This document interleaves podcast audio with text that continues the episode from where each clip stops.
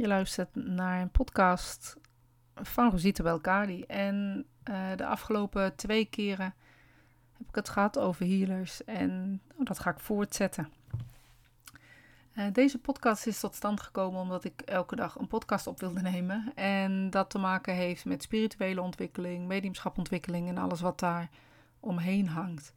En ja, hoe lang ik het leuk vind, uh, zal ik dit blijven doen. En nu doe ik het elke dag door de week. Uh, mijn grote kans dat dat een keer verandert.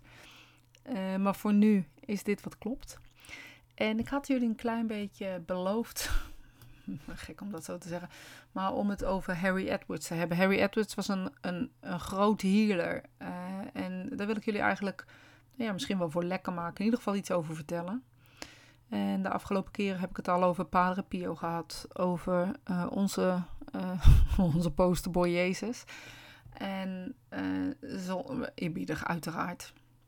En nu wil ik het met jullie dus hebben over Harry Edwards. Harry Edwards was echt een, een, een ontzettend bijzondere, ja, bijzonder healer. laat ik het maar even zo zeggen. Hij heeft echt super, super veel verhalen gaande over hem. Uh, de ronde hoe hij uh, zijn healingen deed, uh, wat voor bijzondere resultaten die had. En hij heeft eigenlijk ook heel, healing heel erg bekend gemaakt in de vorige eeuw.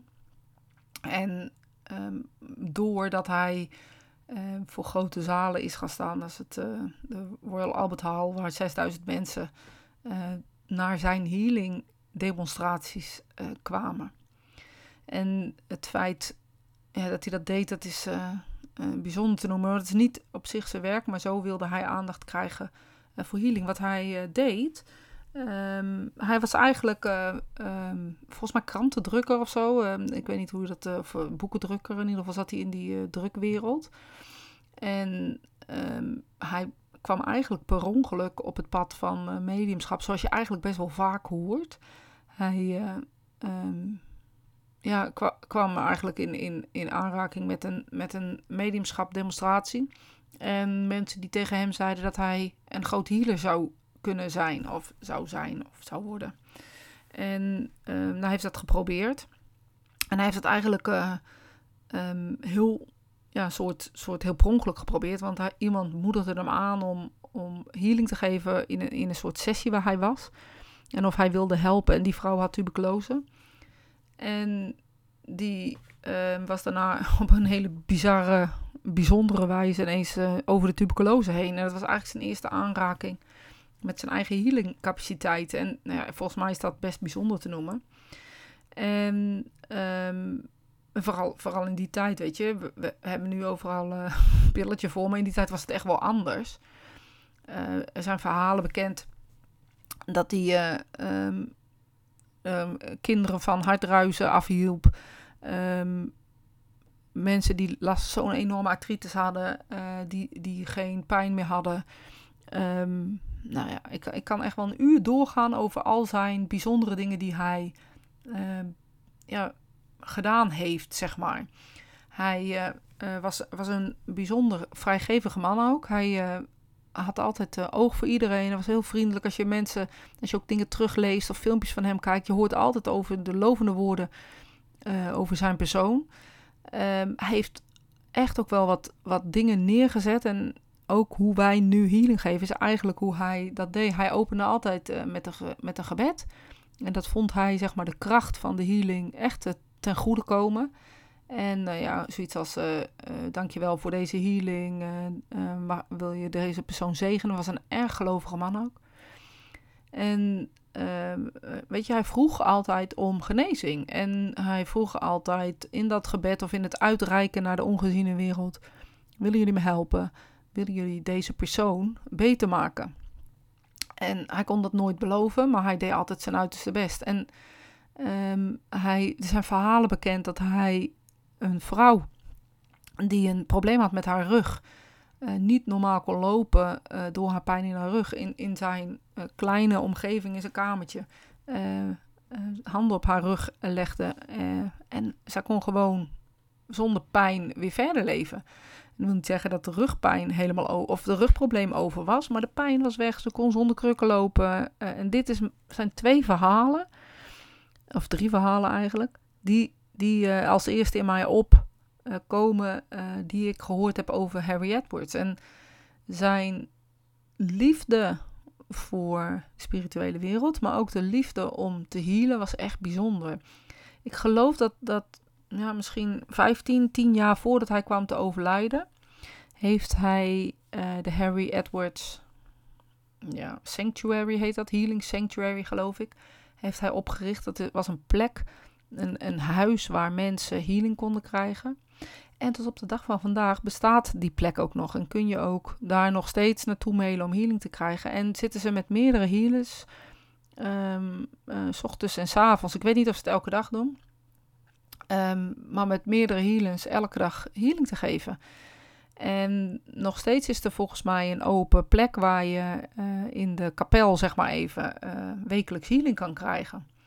En door uh, aandacht te vragen op grote schaal, dus bijvoorbeeld zoals in de Royal Albert Hall demonstraties healing te geven, kreeg hij een soort naamsbekendheid voor healing. En daardoor kwamen ook mensen naar zijn um, ja, naar zijn heilige plek, laat ik het maar even zo zeggen. Hij genast dan in zo'n zo'n 6000 uh, mensen, dan kon hij twee of drie mensen doen. Um, maar daar vonden mensen oké om daarna te komen kijken, om dat te zien, om te kijken hoe groot en uh, hoe bijzonder dat was. En uh, natuurlijk kennen we allemaal uh, onze, onze heilige, onze alle Jomanda, die ook in zalen genas. En ik heb een beetje het idee dat ze misschien wel haar idee van hem had. Hij had wat bijzonder, hij hield er ook wat bijzondere gedachten op na. Weet je, hij zei ook altijd: als je met meerdere mensen tegelijk healing geeft, is het altijd krachtiger. En dat deed hij ook bijvoorbeeld als hij één op één healing bij probleemgevallen, deed hij gewoon met twee of drie healers de handen op dezelfde plek leggen. Want hij geloofde namelijk uh, dat als je kracht bundelde, dat de spirituele wereld beter kon werken, zodat ze uh, echt konden genezen. En uh, ik moet heel eerlijk zeggen dat ik zelf daar ook wel wat mooie dingen mee heb meegemaakt. Dat als je met meerdere mensen tegelijk je energie focust, dat het dan toch krachtig of sterker is. En dat heeft niets met de persoon aan zich te maken, maar wel dus met de, met vibratie of de frequentie die dan de spirituele wereld uh, kan gebruiken.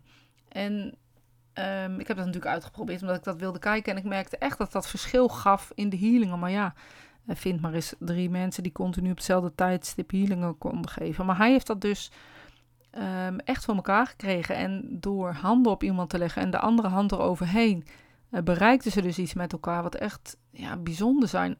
Hij uh, kreeg brieven van mensen over de hele wereld, die bijvoorbeeld gediagnosteerd waren met een tumor of iets dergelijks. En op het moment, en dit zijn wel bijzondere verhalen, op het moment dat de brief op de post ging, uh, gebruikte de spirituele wereld Harry Edwards zijn energie of zijn, zijn healers om hem heen al om te genezen. En vaak als de brief aangekomen was, dan was de healing al gebeurd, zeg maar. Dan was het al begonnen. En dan gingen hun die brieven lezen en uh, mensen healing geven.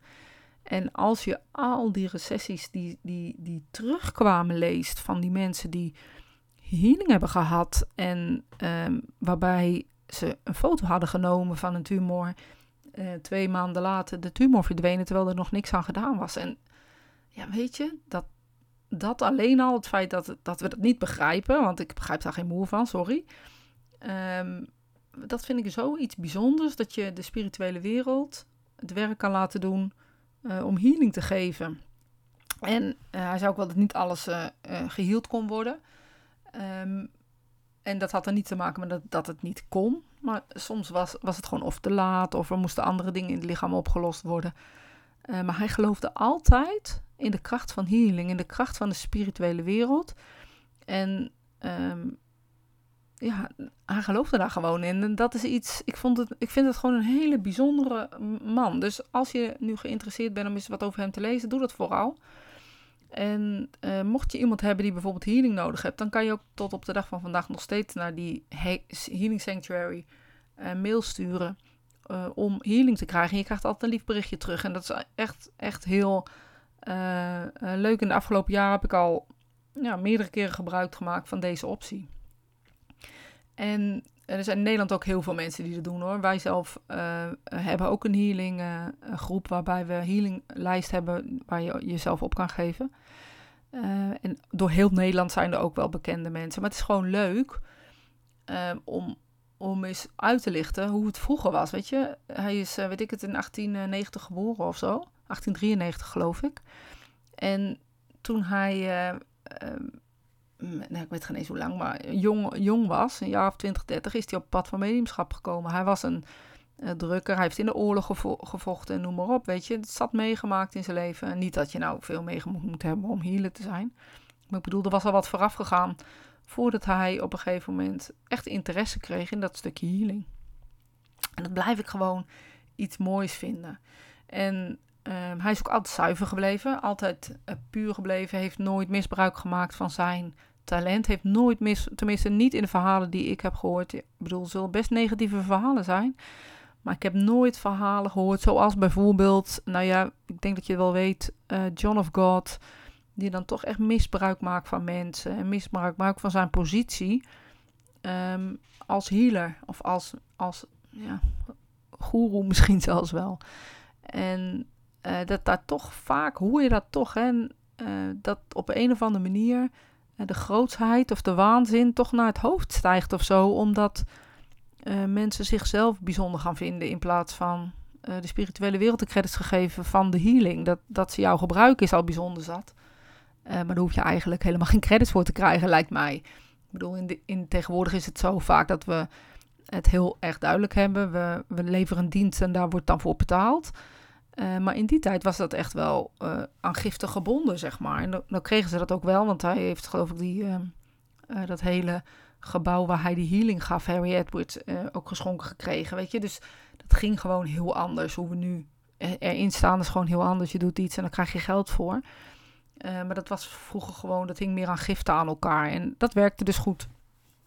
En um, ja, dus dan, dan, ja, dan hoef je dat ook niet te veranderen. Kijk, in de nu-tijd um, werkt dat gewoon heel anders. Ik bedoel, ja, noem het evolutie, noem het verandering, noem het hoe je het wil noemen. Uh, maar dat het veranderd is wel duidelijk. En maar zijn, zijn positie heeft hij nooit, nooit misbruikt of zo. Wat heel grappig was, is dat ze ook witte jassen droegen, de healers. En ik weet eigenlijk niet of ze dat nog steeds doen in die uh, omgeving. Um, maar ze maakte heel duidelijk, ik ben de healer. En um, ja, dan hadden ze witte jas aan. En dat zag je natuurlijk bij die John of God, zag je dat ook. Mensen allemaal in het wit gekleed. Um, ik geloof niet dat dat nou beter toedraagt, maar je maakt wel duidelijk uh, als er een verschil moet zijn. Um, ja, hij heeft dus nooit misbruik gemaakt van zijn ja, macht is misschien een beetje gek, maar in ieder geval van zijn positie uh, die hij had. En Mocht je nog niet van John of God hebben gehoord, uh, nou ja, ik bedoel, Google is. Hij begon als een groot healer en ongeveer te vergelijken uh, met wat Harry Edwards uh, neerzette. hij ging mensen healing geven op een hele bijzondere manier. Mensen werden echt genezen door zijn krachten, zeg maar. Of in ieder geval door zijn, zijn, zijn vibratie te lenen aan de spirituele wereld. En eigenlijk zijn handen te openen, een gebed naar de spirituele wereld te doen. En de wonderen waren echt de wereld niet uit. En de mensen eromheen zijn hem op een voetstuk gaan zetten. Uh, hebben een heel dorp om hem heen gebouwd. Hebben hem niet op een voetstuk, maar op een, op een podium gezet van heb ik jou er, waar niemand meer bij kon. Maar eigenlijk hij zelf ook niet meer af kon, alleen maar vallend. En hij is gaan geloven in die grootheid van zichzelf en niet meer gekeken naar de kracht en de pracht van de spirituele wereld en het eigenlijk gaan misbruiken in de grootste zin van het woord. En dat is toch helaas wat je veel ziet op het moment dat, dat mannen, maar ook vrouwen, um, ja, ja, enthousiast worden over hun, uh, hun positie. En dat dus op een hele andere manier gaan neerzetten. En John of God heeft dat dus echt misbruikt, uh, seksueel ook, uh, seksueel misbruik, mensen gedwongen om met hem dingen te doen waar ze eigenlijk helemaal niet achter stonden. maar mensen voelden zich bijzonder omdat ze van hem aandacht kregen en dus meegingen in, in deze, ja, deze, deze vertoning. En um, ja, maar helaas zie je dat nu nog steeds. Je ziet het in de kerk bijvoorbeeld dat mensen, priesters of uh, dominees, gebruik maken van hun positie, waarin anderen niet meer te, durven te weigeren. En um, ja, helaas gebeurt dat maar al te vaak. En ja, weet je, mensen betichten daar Jomanda ook altijd wel een beetje van. Jomanda die gaf healingen. Um, iemand om haar heen, ik dacht haar man of haar manager, ik weet niet precies wat het was. Ik vermoed dat haar man haar manager is geworden. Uh, die heeft op een gegeven moment uh, um, ja, haar, misschien wel haar krachten en haar power gezien. En die heeft daar een hele toestand omheen gebouwd. Een, een, een blauwe jurk had ze aan. Je kon naar Tiel en er was een podium. En dan ging ze mensen opleggen. En dan ging de spirituele wereld ging opereren. En het zal allemaal wel. Maar op het moment dat je jezelf zoveel... Ja, sorry dat ik het zo zeg, maar zoveel credits geeft... Uh, in dit hele verhaal. En het niet meer gewoon overlaat aan de spirituele wereld. En dus niet een, een healing gaat geven, maar het echt groter en groter en massaler maakt ja, volgens mij gaat op een gegeven moment ook iets in je hoofd of zo mee. Of zo, ik weet niet precies hoe ik het moet zeggen. Maar waarin je wellicht ja, de realiteit een beetje verliest. En dan dus ook denkt dat je van alles kan doen en alles kan maken. Bij jouw andere geval is dat natuurlijk uh, dat mensen haar zijn gaan beschuldigen. Dat zij tegen die Sylvia Millenkamp, heette zij geloof ik, uh, is gaan zeggen dat ze geen medicijnen moest nemen. Uh, maar ja, we weten nooit het verhaal van Sylvia Millenkamp, dus daar wil ik heel graag uitblijven. Want het kan wel zijn dat Sylvia Millekamp zelf heeft besloten om geen medicijnen te nemen. En Jomanda gezegd heeft dat het inderdaad beter was. Weet ik veel wat, ik weet het niet. Uh, ik ben daar niet bij geweest, dus ik weet niet. Maar wat ik, wat ik weet is dat bijvoorbeeld, even terug te komen op een Harry Edwards, die echt bijzondere healingen uh, gaf. daar, te, ja, daar hoor je tot op de dag van vandaag niet heel veel gekke dingen bij. Behalve dan dat hij echt wonderbaarlijke healingen heeft uh, veroorzaakt. Er was een, een kind die heel erg worstelde met een soort overspannenheid of zo. Een klein, klein, klein kind. En niemand wist wat hij met aan moest. Kon hij van zijn moeder vandaan alleen maar krijsen. Niemand kon hem aanraken, noem maar op. Hij gaf hem healing. En niks meer aan het handje. Mag even zo te zeggen. En ja, dan kan je denken... Um, onzin, dat is, in, hè, dat is je eigen gedachten die denken dat dat zo is. Maar een kind kan je niet wijsmaken van één jaar. Dat hij healing krijgt en uh, vanaf dat moment uh, niet meer overspannen hoeft te zijn. Um, ja, dus zet je, vind ik persoonlijk, altijd wel even aan het denken. Want we hebben allemaal de neiging om te zeggen, ja, maar de voorstellingsvermogen. En als je maar gelooft dat je, onze mind is sterk. En nou ja, goed, je kent allemaal die verhalen wel. Maar als je dan verhalen hoort van kinderen um, die worstelden met van alles en nog wat. En er was geen probleem meer op het moment dat er een healing was, ja, dan kan je je toch afvragen um, dat er wellicht meer is tussen hemel en aarde wat wij niet uh, kunnen begrijpen. Maar wat zo krachtig is, uh, wat dus ook kan helpen om genezing in werking te zetten. Ja, een healing is iets moois en healing is een, een, een, een ja, door, je bent een doorgeefluik van de spirituele wereld, net zoals je medium bent. Dus het is niet zo dat op het moment dat jij healing geeft, um, dat je dan iets hoeft te doen eigenlijk. Je moet jezelf openstellen voor een kracht die groter is dan jezelf. En weten dat je geen diagnoses moet stellen, geen medicijnen moet weigeren of uh, zeggen dat ze iets moeten nemen. Maar gewoon enkel liefde doorgeven. En eigenlijk heel simpel, uh, nou ja, je mond houden. um, en een gebed om te openen, een gebed om te sluiten. En dat kan een gebed zijn als lieve vrienden. Ik wil met jullie werken. Uh, maar met alles geld. Naar binnen keren, de deuren openzetten naar de ongekende mogelijkheden. Het niet buiten jezelf per se zoeken, maar blijven naar binnen keren, blijven naar jezelf kijken. dat maakt je ook een beter hielen uiteindelijk. Ja, ik denk dat ik dan aan het einde ben van de drie luik. Want het waren de drie van de healing. En wie weet ga ik er nog een keertje over hebben. Um, maar healing is iets bijzonders en mediumschap iets moois. Maar healing is ook iets echt heel erg bijzonders. En, en, nou ja, Google is op Harry Edwards Sanctuary, is het geloof ik. En zie eens wat voor bijzondere dingen deze mensen doen. Er zijn nog steeds opleidingen die je daar kan doen. Uh, niet dat je ze hier in Nederland niet kan doen. Maar soms is het gewoon eens leuk om te kijken wat er buiten um, onze grenzen te koop is. Uh, we hebben ontzettend veel bijzondere healings in Nederland ook hoor. Dus het is echt niet zo dat dat buiten de uh, landsgrenzen gezocht hoeft te worden. Maar hij heeft een mooie geschiedenis in healing. En ja, wat is er mooier dan terugkijken naar wat ons voor is gegaan om te volgen. En nou ja, misschien het op onze manier te doen, beter te doen, weet ik niet. maar in ieder geval op onze manier te doen. Uh, nou ja, is best een lange podcast geworden, zie ik nu uh, ik opkijk. Want ik zit hem op te nemen en ik kijk ineens omhoog en ik zie dat ik bijna de 20 minuten aantik. Nou, dat is best lang. Meestal zijn ze wat korter. Uh, dus dankjewel dat je dat geduld op op kunnen brengen. En nou, ik spreek je morgen weer. Laat ik dat maar zo zeggen. Mocht je het nou leuk vinden om met me mee te doen. En misschien heb je wel een onderwerp waar je wil dat ik over praat. stuur het dan op via de mail of een berichtje hieronder. Waar dan ook. Ik ben echt wel ergens te vinden. Uh, mocht je letterlijk mee willen doen en ook jouw stem willen laten horen in mijn podcast, super gezellig. Lijkt me hartstikke gezellig. En, en, dan hebben we het over het leven na de dood. Of je daarin gelooft, hoe je dat ziet, waar de wonderen liggen. En nou ja, mocht je het leuk vinden om te luisteren, zou ik het echt heel leuk vinden. Um, als je bijvoorbeeld uh, allemaal podcasts hebt geluisterd, of misschien maar eentje, dat je recent, ik weet nooit zo goed hoe dat woord heet, een review heet dat denk ik, achterlaat. Of een sterren achterlaat. Want dan kunnen andere mensen het ook luisteren, ben ik makkelijker vindbaar. Uh, mocht je het willen delen met alle liefde. En ik wens je een ontzettend fijne dag. En nou ja, tot morgen dan.